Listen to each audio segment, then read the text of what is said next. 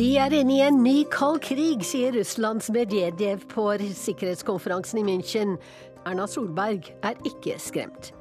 For 80 år siden var det i Spania en brutal borgerkrig raste. men norsk støtte har en massegrav nå blitt åpnet og gitt en 90 år gammel kvinne svaret hun har ventet på. Det ble skrevet kirkehistorie på Cuba i går kveld. For første gang på 1000 år har en romersk-katolsk pave og en russisk-ortodoks patriark møtt hverandre.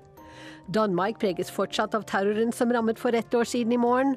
Motown blir til Biketown. Den gamle bilbyen Detroit er i ferd med å reise seg fra konkurs og sykle videre.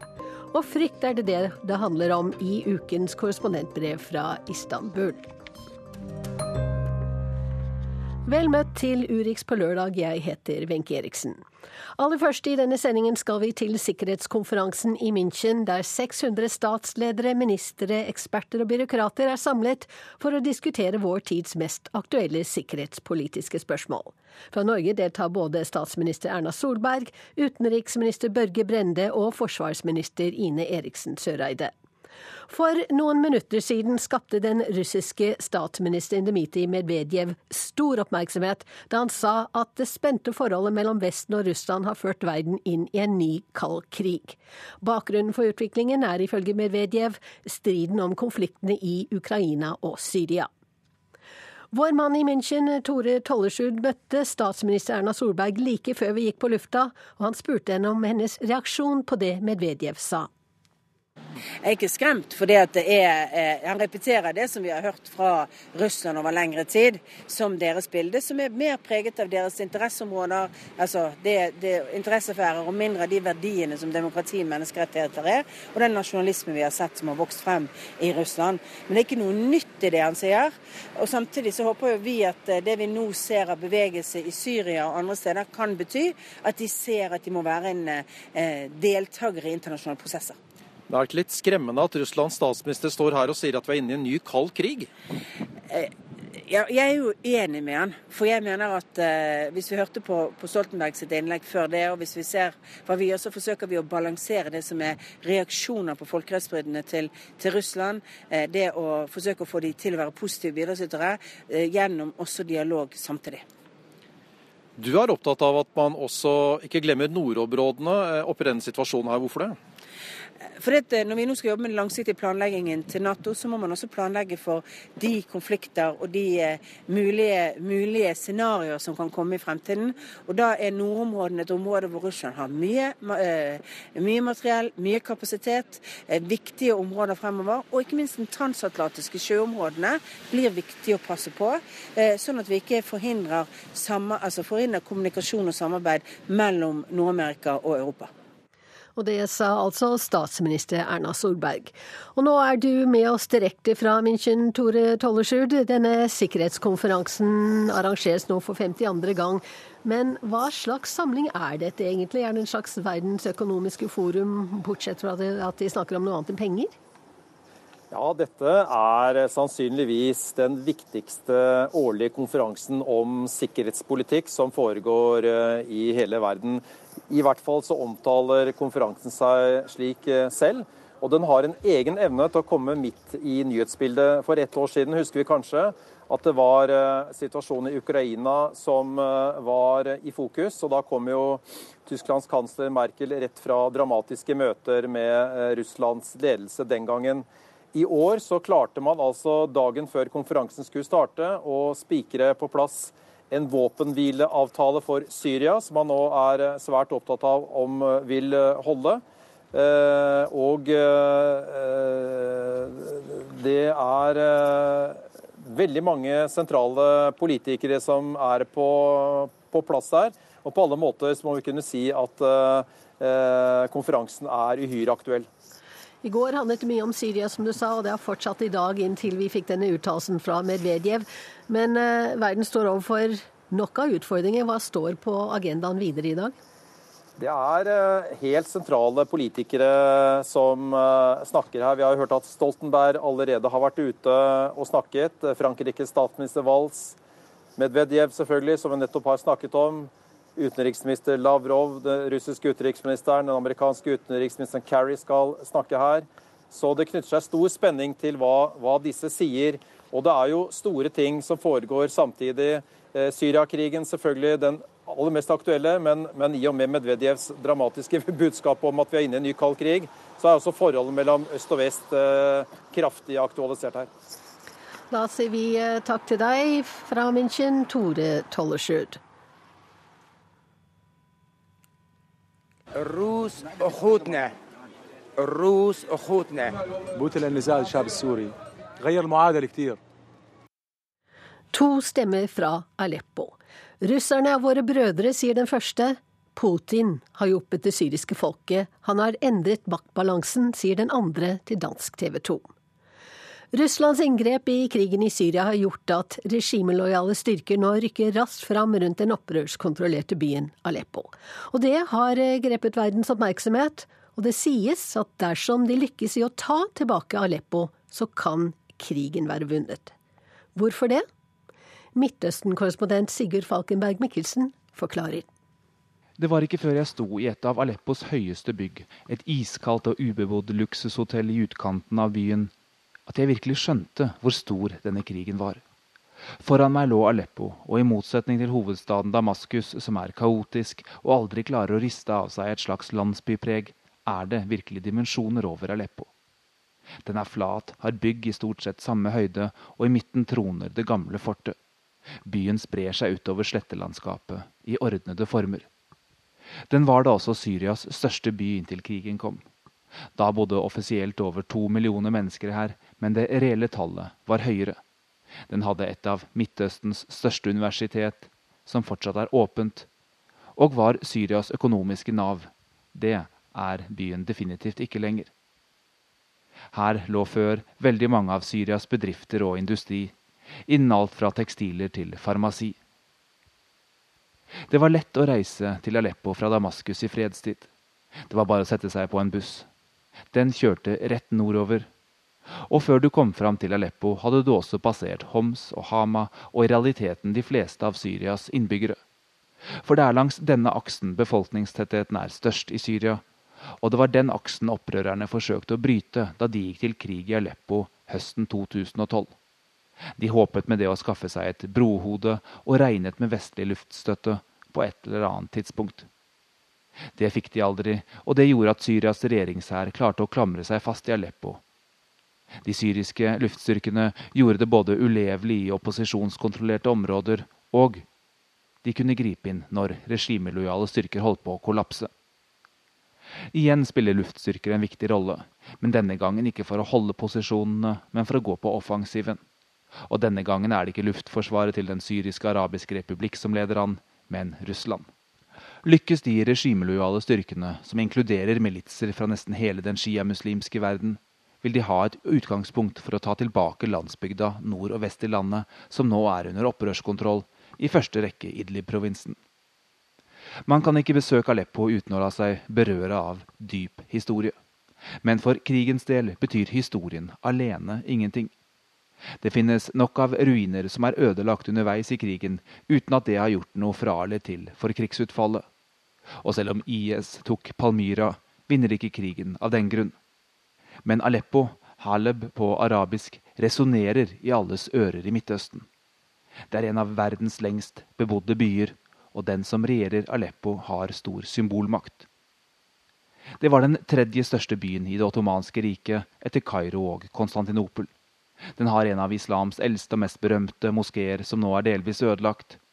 Den var, og til en viss grad er, en kosmopolitisk by hvor mange av Midtøstens minoriteter har søkt tilflukt og urban tilhørighet opp gjennom historien. Det finnes mange kristne minoriteter der, og fram til opprettelsen av staten Israel også en synagoge. Der fantes også en gammel utgave av Toraen, kjent som Aleppo-kodeks.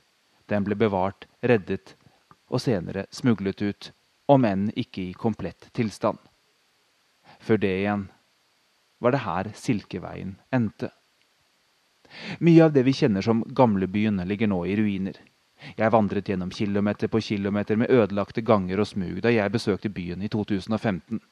Mye av dette står på Unescos verdensarvliste.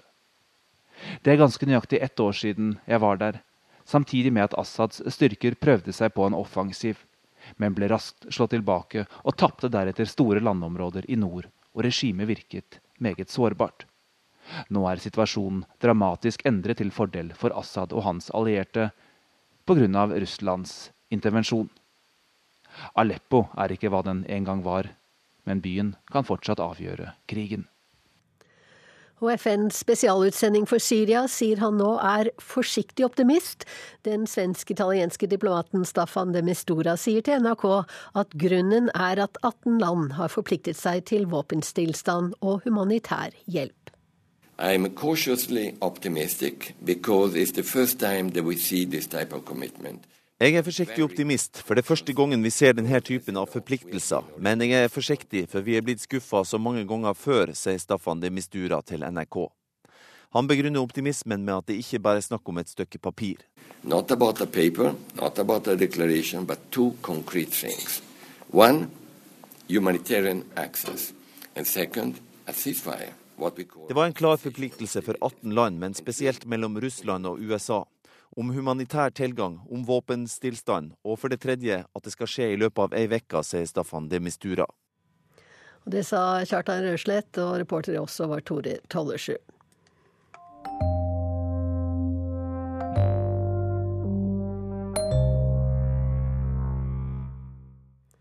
I siste halvdel av 1930-tallet var det i Spania en borgerkrig raste, og med norsk støtte har en massegrav fra Franco-tiden nå blitt åpnet i nærheten av Madrid. Det finnes fortsatt over 2000 fellesgraver med uregistrerte ofre fra borgerkrigens dager, og arbeidet med å finne ut hva som skjedde med flere enn 100 000 savnede, går tregt. Men denne uken fikk en 90 år gammel kvinne endelig vite hva som skjedde den gangen for 77 år siden, da faren hennes forsvant. Sigrun Slapgard forteller. På en kirkegård en iskald vinterdag i Guadalajara utspiller det seg ei merkverdig scene. Ei grav er åpna, og på kanten sitter ei lita kvinne i flere skjerf og tjukk kåpe. Ansiktet under det hvite håret veksler mellom smil og tårer mens hun ser ned på hva spadetaka kan avdekke. I snart to veker har 90 år gamle Ascensionen Mendieta fulgt med på det som blir gravd fram av hemmeligholdet historie. Er det helt og intakt, det som er der? Spør hun ned i grava og til arkeologene. I mange, mange år har hun visst at faren ble kasta ned i denne massegrava. Hun var bare 15 den gangen hun så han for siste gang, en høstdag i 1939. Krigen var slutt, Franco hadde tatt over, og det var tid for represalier. Det siste Ascension så av faren, var da de kom for å hente han og frakte han til fengselet i Sacedon.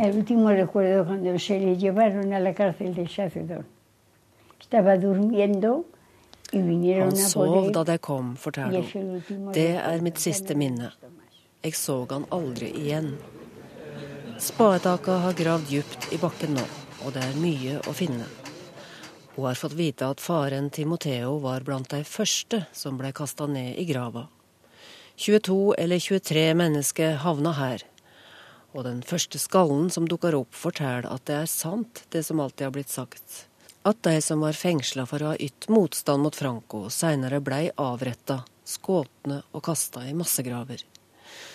Nå tar arkeolog René Pacheco seg tid til å forklare Ascension at de nærmer seg å kunne identifisere faren, og at det stemmer at han ble skutt.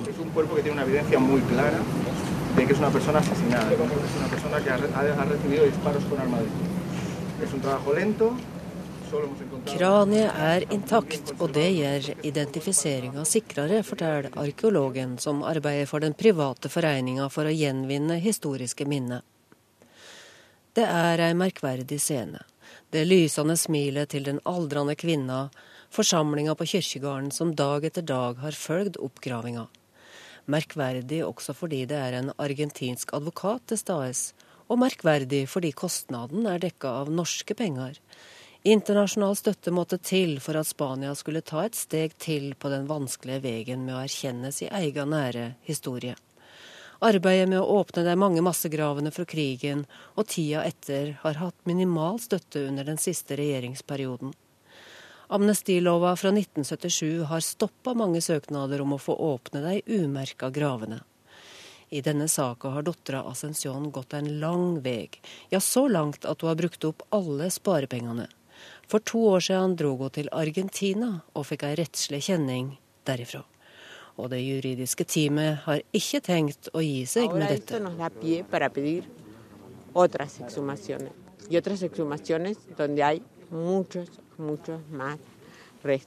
Dette gir presedens, mener den argentinske advokaten Anna Mesoti. Nå skal vi åpne graver der det er mange, mange flere levninger, sier hun. På Mallorca, Menorca og Ibiza i første omgang. De norske pengene kommer fra El- og IT-forbundet, ei viktig sak, slik forbundssekretær Henning Solhaug ser det. Det er mange fortsatt i dagens Spania som ikke vet hva som skjedde med deres slektninger. Som ikke vet hvor deres slektninger er begravd, og som ikke har noen grav å gå til. Det er viktig å hjelpe dem, fordi den spanske regjeringa ikke hjelper dem. Til tross for at de er forplikta til å gjøre det. Og til tross for at de må få kritikk fra FNs menneskerettighetskontor. Så er det også viktig for oss som fagbevegelse at vi tar tilbake vårt minne om eh, hva er fascisme, hvem tjener fascismen, og hvordan kan man bekjempe den. Vi ser i dag at det som skjedde i Spania, fort kan gjenta seg også i eh, Om ikke nær framtid, så er det mulig at den kan gjentas også i Europa igjen. Fordi vi ser at eh, fascismen og høyreekstreme vokser fram i dagens Europa. Godt hjulpet av eh, frykten og, og, og motstand mot asylsøkere og, og flyktninger i dagens Europa. Og 90 år gamle Ascension er takknemlig. Nå kan hun gi faren ei verdig gravferd. I alle disse åra har hun ikke fått fred. Tanken på det som skjedde. Faller han med ansiktet ned eller opp? Hadde han bind for øynene? Hun har ikke fått svar på alt, men nå kan hun igjen sove om natta. Han skal ikke lenger ligge her begravd som en hund, sier ei rørt Ascension, som mener mye er oppnådd med dette, utover det personlige. Men ved gravkanten står også et opprørt barnebarn. Hun mener ingen burde bli utsatt for det mora har måttet tåle i så mange år. Og at det er uhørt at så mange fremdeles ligger uidentifiserte i hemmelige graver. 1350 søknader om å åpne graver ligger på vent i Spania. Men nå kan jeg endelig dø i fred, sier Timoteos datter, og hun veit godt hvor hun sjøl vil gravleies der i Guadalajara. I går kveld ble det skrevet kirkehistorie på Cuba. Paven og den, paven og den russisk-ortodokse patriarken møttes for første gang på ett 1000 år. Så lang tid tok det å forsones i striden om rangordningen mellom Faderen, Sønnen og Den hellige ånd. Tom Christiansen gir deg historien.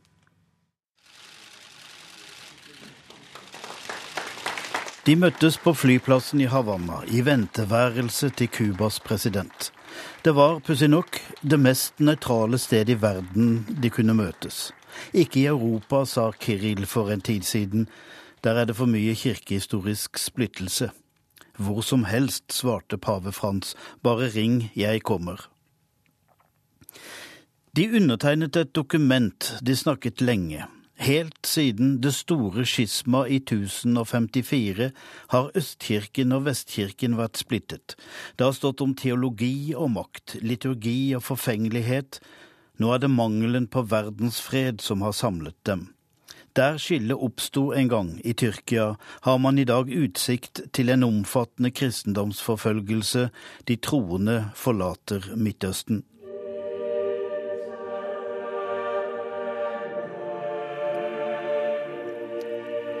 Peterskirkens milde skjønnsang fyller katedralen og sinnet med ro. Tradisjonen går over hundrer av år.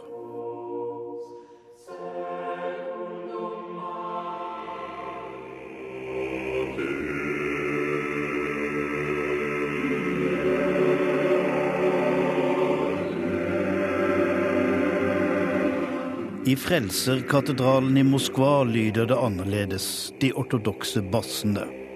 Mer maskulint, men likevel fredelig, dog en annen liturgi. Den barske Kiril, patriarken som samspiller med president Putin og beskytter russisk nasjonalisme. Den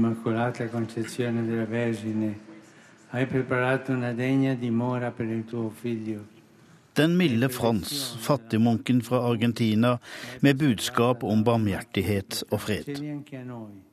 Alt kunne vært fred, hadde det ikke vært for filiokven.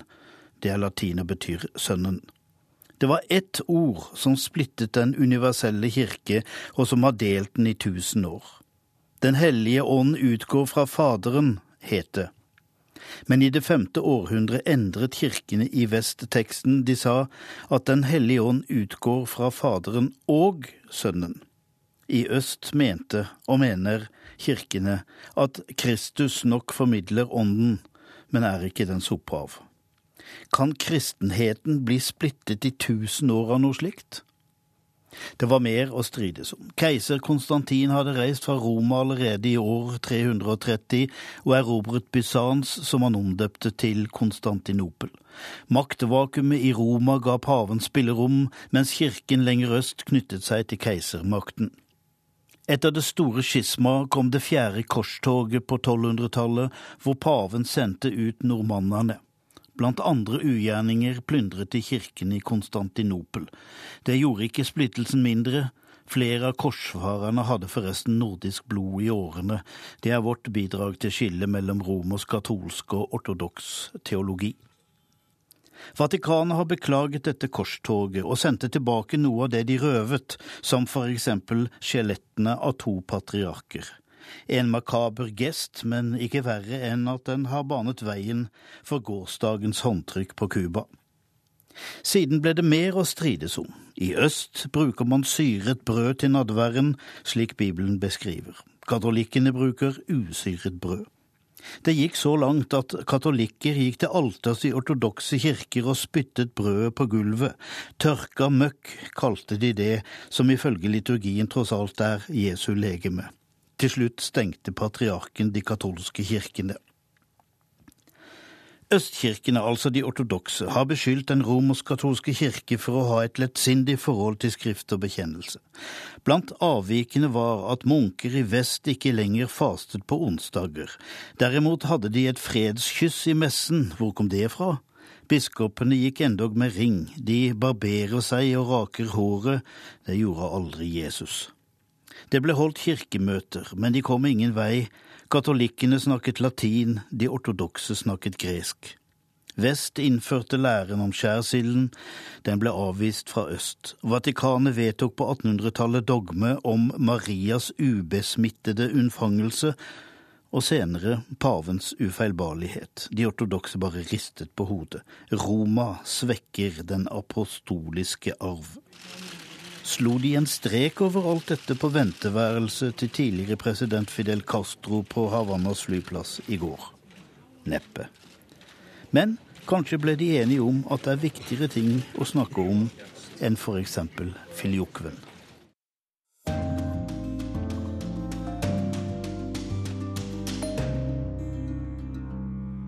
I morgen er det ett år siden terroren rammet København.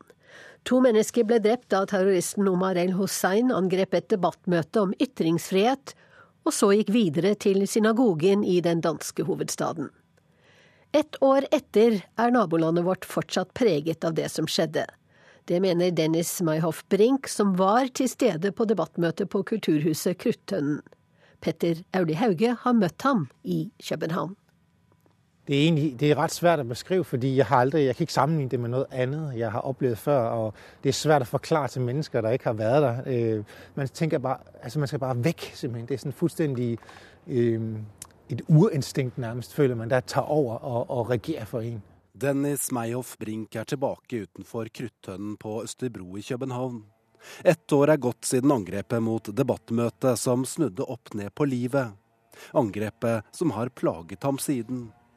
Hendelsene fra den dagen er brent fast i minnet. Den enorme følelsen av frykt sitter fortsatt i. Det har fullstendig brent seg fast. Det har det virkelig. Jeg kan huske det i, i mange, mange små detaljer fra, fra den dag.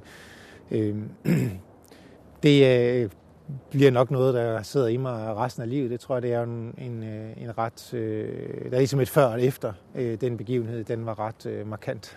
Det er sent på ettermiddagen den 14. februar, da terroren rammer København. Rundt 50 mennesker er samlet for å diskutere ytringsfrihet og sensur. Gjest på debattmøtet er også den svenske kunstneren Lars Wilks, mannen bak de omstridte Mohammed-tegningene. Rundt 30 minutter ut i møtet skjer dette. Why do we still say but when we Bevæpnet med et automatvåpen fyrer 22 år gamle Omar El Hussein av over 20 skudd mot Kruttønnens inngangsparti. Filmskaperen Finn Nørgaard blir drept i angrepet.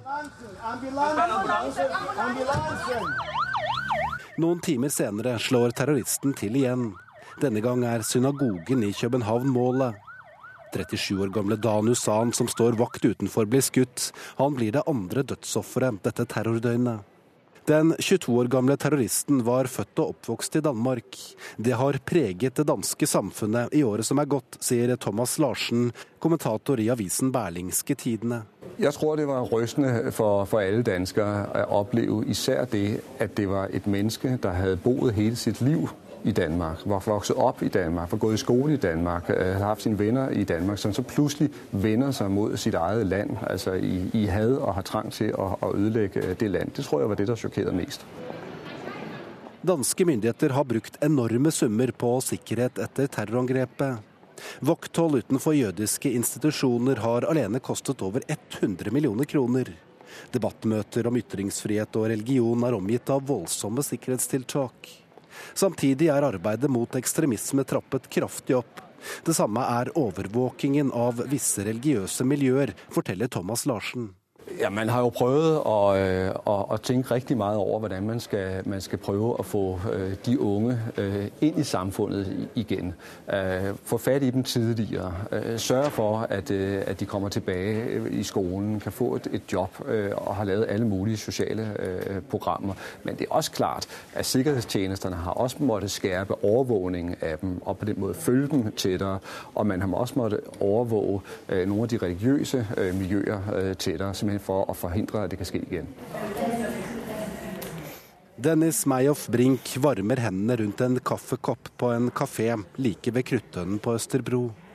Forskeren på religionssatire deltar fortsatt på debattmøter, men noe er annerledes nå. Jeg tar liksom mine forbehold nå. Jeg pleier å holde øye med hvor det er en fluktvei, en bagutgang og den slags ting. Så jeg er nok blevet litt mer sier, på vakt.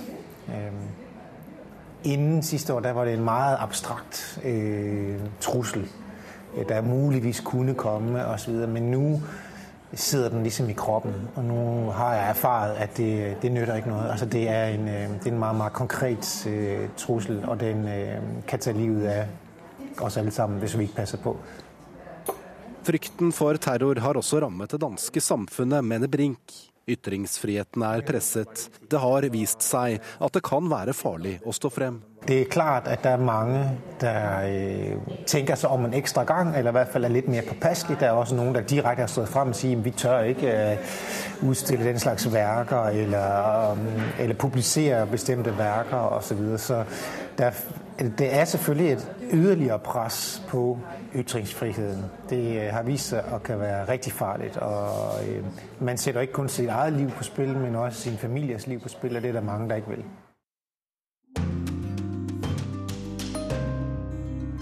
Det er Urix på lørdag du hører på her i P2 og Alltid nyheter. Klokka er 11.32. Bli med oss videre til USA, der vi skal snakke om presidentkandidater, men ikke dem du tror. Vi skal til Gøteborg, der asylsøkere som får avslag, lever et liv preget av hjemløshet, narkotika og kriminalitet. Og frykt er stikkordet for ukens korrespondentbrev, som kommer fra Kristin Solberg i Istanbul. For tre år siden gikk den amerikanske industribyen Detroit konkurs. Men nå er den gamle bilbyen i ferd med å reise seg og sykle videre.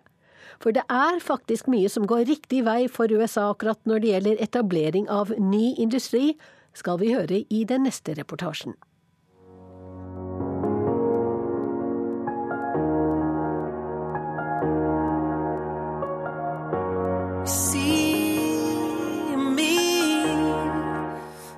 Sakte syklende på store, tomme motorveier.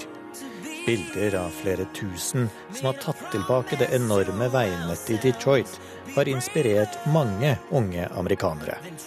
Og mannen bak det hele, Jason Hall, ville egentlig bare vise frem hvor fin han synes byen var.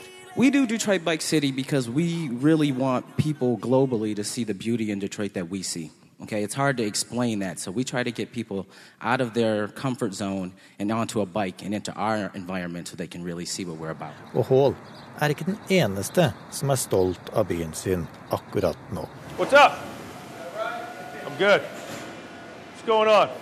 Jacques Bani er sjef for Shinola, som bl.a. lager sykler, klokker og skinnvarer. Og nå har byen, som gikk konkurs for tre år siden, reist seg. Og økonomien blomstrer. Sentrum, eller downtown, har historisk vært det fattigste og farligste området i byen. Etter at de store bilfabrikkene på slutten av 60-tallet flyttet ut produksjonen av byen, og 130 000 arbeidsplasser forsvant.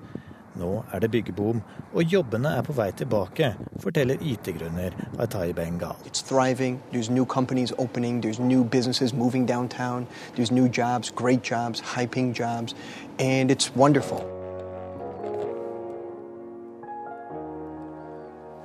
Dette ser flott ut.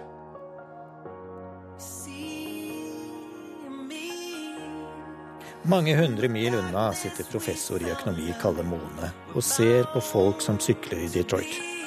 Han har trua. Mangel på muligheter for sykkelstier her. Altså er det fire felt i begge retninger. To av de kan gå til, til sykler med skilt kjørebane. Litt av en utsikt du har her, jeg, jeg har sittet på en etasje over før. Jeg er på vei nedover, men eh, Fra sitt kontor i 12. etasje på Universitetet i Oslo er han ikke overrasket over at det er den gamle industribyen Detroit som nå våkner til liv igjen. Det ser også ut til at det er deler av eh, gamle byer i USA som eh, får en, et nytt oppsving. Trolig fordi at, at nedturen har vært så kraftig her at de har hatt en strukturendring. Bilindustrien forsvinner, mens det kommer ny og mindre virksomhet som tar plassen til eh, de store selskapene som var der tidligere. For historiene er kjente, og bildene mange. USAs en gang tredje største by og sentrum for verdens bilindustri. Konkurs, forlatt og gjengrodd. Men nå Altså, det tyder på at det går riktig vei i USA på akkurat dette området her, med at en skaper flere jobber, en får litt mer økonomisk vekst enn en hadde tidligere. Og hvis det er riktig at, at dette også bidrar til reallønnsøkning for uh, store grupper i befolkningen, så vil jeg si at det går riktig vei. Men jeg tror det er den store bremseklossen i amerikansk økonomi, det er den store ulikheten i det amerikanske samfunnet. Og at det er veldig vanskelig å få til kompromisser på steder som Detroit, eller få til oppofringer som er mer av kollektiv natur, når gevinsten av disse oppofringene, denne koordineringen, kollektiv aksjon fra lokalmiljøet, i hovedsak går til de aller, aller rikeste. Det er det som bremser evnen til ja, dugnadsånd i samfunnsmessig forstand. Så for få får for mye? Ja, det tror jeg er helt riktig.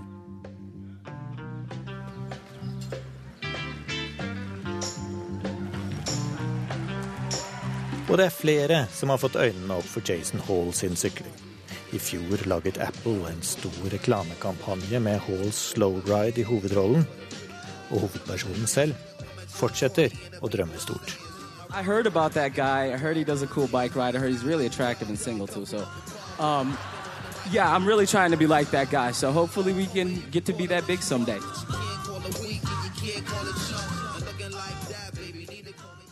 Og det var Christian Aanensen som var reporter i denne saken.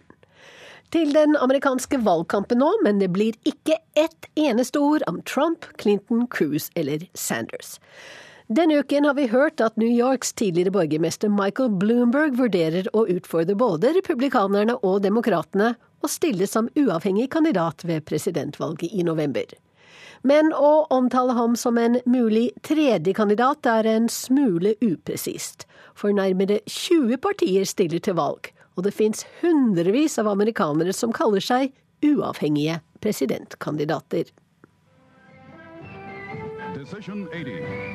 NBC News reports the results of our national election. Valgsendingene hvert fjerde år er politikkens Superbowl på amerikansk TV. Og som i fotball er det bare to lag. Demokratene mot republikanerne. Men fra tid til annen er det en tredje kandidat, riktignok aldri med seierssjanser, så tredjekandidaten er nærmest per definisjon for valgnattens taper å regne. Og i USA er man opptatt av vinnere rent generelt, og kanskje spesielt når det er snakk om hvem som blir USAs neste president. Derfor fikk John Anderson lite oppmerksomhet valgnatten i 1980. Good evening and welcome to NBC News' coverage of the 1980 presidential election. Three to see if Jimmy Carter can win re-election or if Ronald Reagan will be going to the Oval Office. Det var et spennende valg. Den sittende presidenten Jimmy Carter tapte for den mest populære republikanske kandidaten i moderne tid, Ronald Reagan. Og det så grundig at John Andersons 6% av stemmene tross alt ikke ble utslagsgivende.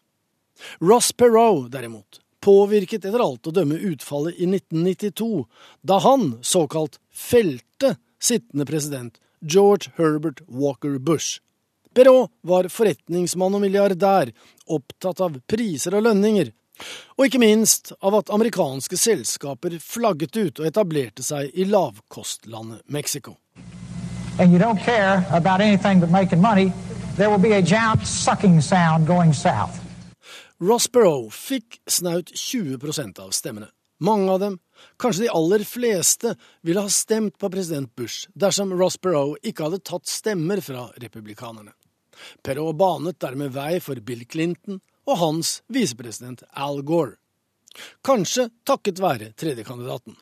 Men da Gore selv stilte som kandidat i 2000 mot en annen Bush, sønnen George Bush, da fikk tredjekandidaten Ralph Nader skylden for at Gore tapte. Den forbrukervennlige og miljøbevisste Ralph Nader stilte for De grønne og såkalt stjal stemmer fra demokraten Gore. Uh, if I came to town now, I couldn't have done what I did in the 60s and 70s to advance the health and safety of a lot of products in the environment.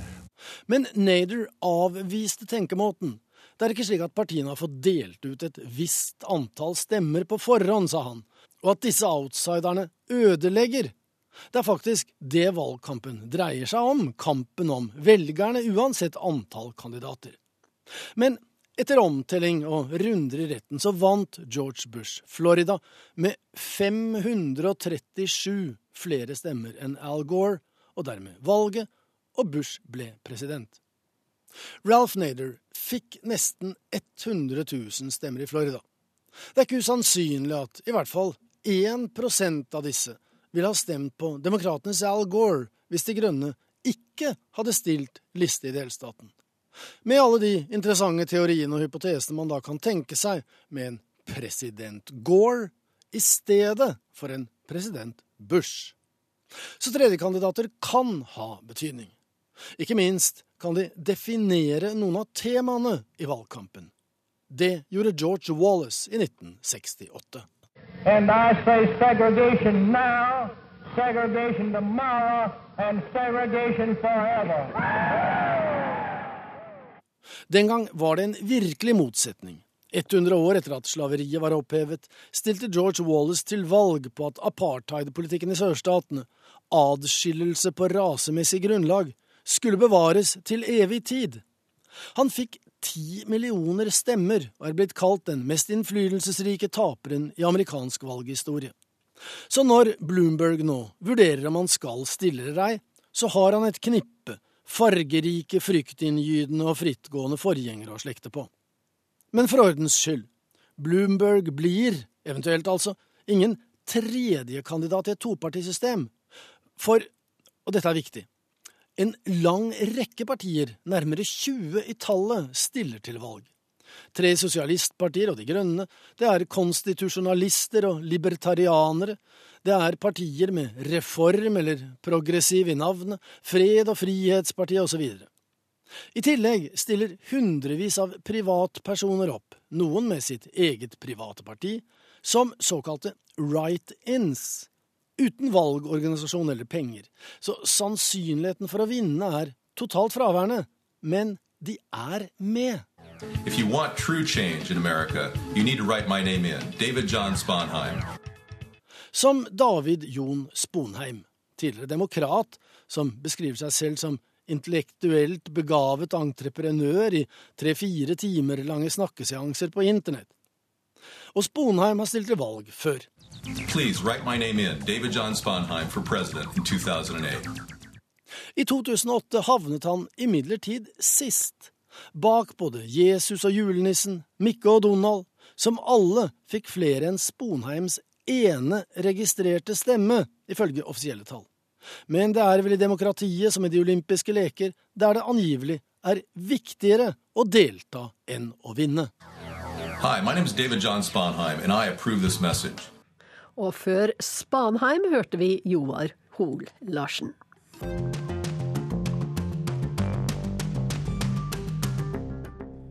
Vi skal til Sverige, som tok imot nesten 200 000 flyktninger og asylsøkere i fjor. Ikke alle får bli i landet, men mange vil heller ikke reise hjem. Og i Gøteborg bor flere titalls unge menn og gutter på gaten i et liv preget av hjemløshet, narkotika og kriminalitet. Klokka er åtte på kvelden. Grinda på butikkene på kjøpesenteret Nordstaden i Gøteborg går ned. Butikkene stenger. Men det er noen som blir værende. En guttegjeng i olabukse, boblejakker, hettegensere og capsen bak fram. De har ikke noe bedre å ta seg til.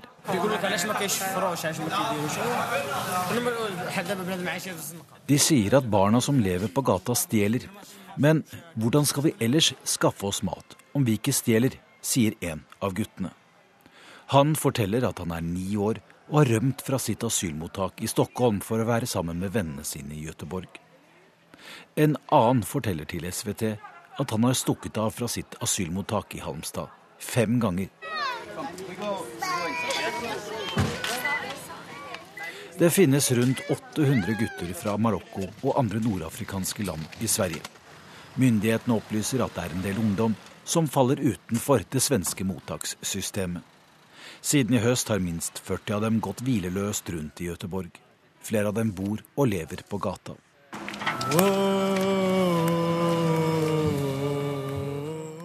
Det er en fotballsang fra byen Fes i Marokko. Mange av guttene er derfra.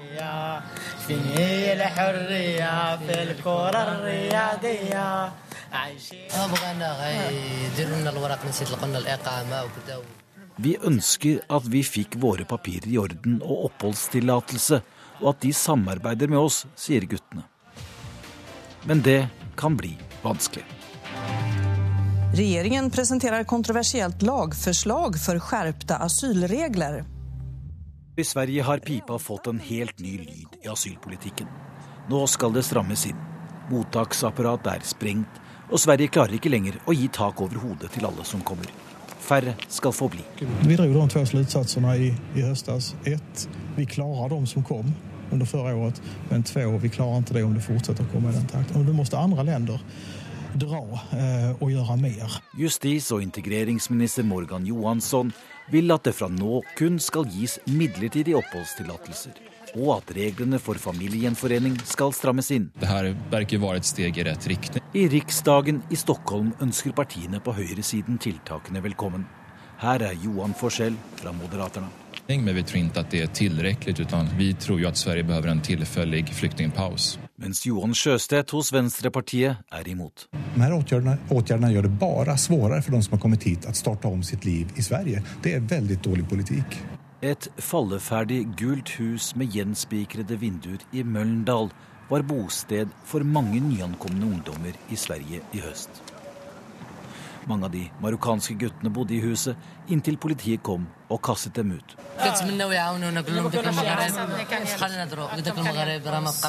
Vi må få hjelp i Europa. I Marokko har vi ingenting å komme hjem til. Der blir vi bare drept, sier en av guttene. Sverige må finne en løsning for oss, sier de. Det er hjembyen og fotballen som holder guttene sammen.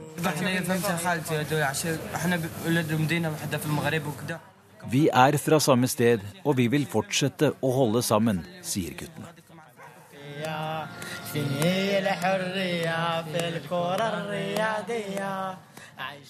Reporter i denne saken var Øyvind Nyborg. Vi er kommet fram til ukens korrespondentbrev. Avsender er Kristin Solberg i Istanbul. Han var en halvvoksen slamp og svært aggressiv. Om dagen var han sperret inne, han lå bak lås og slå i et knøttlite bur og knurret mot alle som gikk forbi. Det ble sagt at det var behandlingen han fikk som gjorde ham ulykkelig og sint, men jeg brydde meg uansett ikke. Om kvelden ble han sluppet fri, slik vakthunder gjerne blir. Han løp rundt i hagen på hotellet der jeg bodde. Den sorte dobbermannkroppen var nesten usynlig i mørket, men de hvite, flerrende tennene lyste opp i natten. Jeg er overbevist om at han la meg for hat første dag. Hver gang han så meg komme gående inn til hotellet, rykket han fram, klar til angrep. Han løp mot meg, bjeffet høyt og ustanselig, glefset etter meg. Noen ganger kom han så nærme at jeg kunne kjenne pusten hans. Jeg må innrømme at det hendte at jeg skrek i redsel. Innimellom måtte de hotellansatte jage ham bort fra meg med en kost. Frykten min gjorde naturligvis ikke situasjonen bedre. Hunden merket den. For meg så det ut som om han nøt det, selv om jeg vedgår at jeg ikke har noe bevis for akkurat det. Han ble uansett bare mer oppsatt på å angripe meg. Jeg grudde meg til å returnere til hotellet om kvelden. Om dagen så jeg ham ligge i det bitte lille buret, lettet over at han var innesperret. En annen hotellgjest sa til de ansatte, Dere kan ikke behandle ham slik, dette er dyreplageri, hunden blir ulykkelig av å være innelåst så mye, og jo mer ulykkelig han blir, jo mer aggressiv blir han mot gjestene her. En dag kommer han til å virkelig bite noen, og dere blir nødt til å avlive ham. Hvis jeg ikke var så redd for ham, ville jeg ha sagt, ikke lås ham inne, behandle ham pent, det dere gjør er dyreplageri. Hvis han må avlives på grunn av det dere gjør med ham, er dette i realiteten mord i langsomt tempo. Men isteden tenkte jeg, jeg gir blaffen i hvor mye han lider. Og la ham bare bli avlivet når den tid kommer, det er bedre for oss alle. Jeg liker å tro at jeg er utstyrt med en solid dose empati, både for mennesker og dyr. Jeg kan kjenne et stikk i hjertet hvis jeg ser en due med klumpfot eller en gatekatt med et avrevet øre. Jeg kan miste nattesøvn etter å intervjue en syrisk familie om det de har opplevd de siste årene. Men i møte med den fryktinngytende vakthunden ble empatien min høvlet bort. Det skulle ikke mer til enn litt frykt, og den forsvant. Prinsipper jeg ønsker var sterke, ble skjøvet til side. Det jeg vanligvis ville ha ment var uakseptabelt, ble noe jeg stilte meg helhjertet bak. Jeg ble overrasket over min egen reaksjon, men egentlig burde jeg ikke ha blitt det. Som journalist har jeg dekket noen av menneskenes mer grusomme sider, og jeg har mange ganger sett hvordan frykt bidrar til å gjøre det utenkelige tenkelig. De fleste mennesker vil eksempel mene at de ikke er i stand til å drepe. Men det finnes unntak. Hevn, eksempel, vil for noen, men langt fra alle, innebære at de kan ta liv. Det er også lettere å ta liv hvis ansvaret er pulverisert, som eksempel i krig, der soldater kan si det er ikke min beslutning å drepe fienden, jeg følger bare ordre. Men det finnes et enda mer utbredt unntak selvforsvar. De fleste vil kunne drepe for å eliminere en trussel mot seg eller sine, uansett om trusselen er reell eller opplevd. Det er her frykten kommer inn. Denne frykten er så sterk at den blir utnyttet av politikere når kriger skal rettferdiggjøres. Hvis ikke vi tar dem, vil de ta oss, blir det ofte sagt. Som journalist ser jeg det skje igjen og igjen, både på individuelt plan og på gruppeplan. På en reportasjetur i Rwanda intervjuet jeg en av dem som deltok i folkemordet på tutsiene i 1994. Han var en liten og spinkel mann, høflig nok, ikke dum, men heller ikke spesielt intelligent. En følger, ikke en leder. Hvorfor drepte du? spurte jeg. Et enkelt, men dog så vanskelig spørsmål. Svaret var naturligvis ikke entydig. Han følte gruppepress, sa han. Han var redd for konsekvensene fra andre hutuer hvis han ble sett på som en som nektet å drepe tutsier. Dessuten var drepingen den nye normalen på den tiden. Unormal brutalitet var blitt akseptert, til og med forventet. Mennesker var ikke som mennesker på den tiden, de var som hyener, sa han om seg selv og alle andre som deltok i folkemordet. Og tutsiene, de var heller ikke mennesker, de ble sett på som skadedyr, kakerlakker. Kakerlakker er enklere å drepe enn et menneske.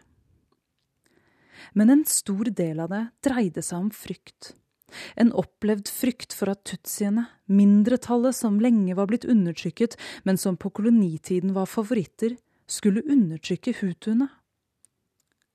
Det var frykten som bidro til at mannen foran meg, tilsynelatende en helt normalt familiefar, kunne slå i hjel sin barndomsvenn med en klubbe.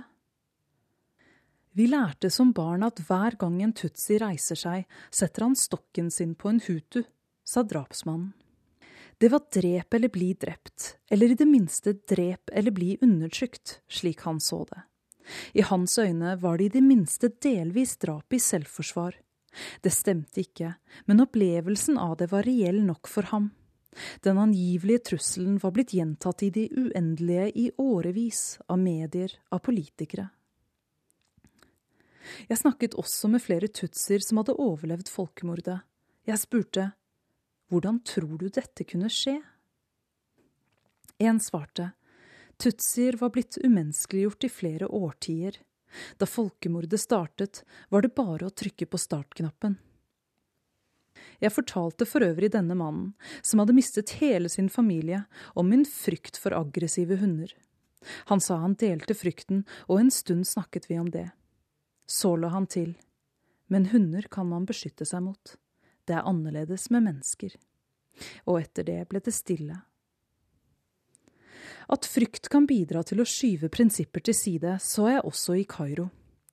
Jeg var på Rabba-plassen i august 2013 og så det som var den største massakren på sivile demonstranter siden Den himmelske freds plass.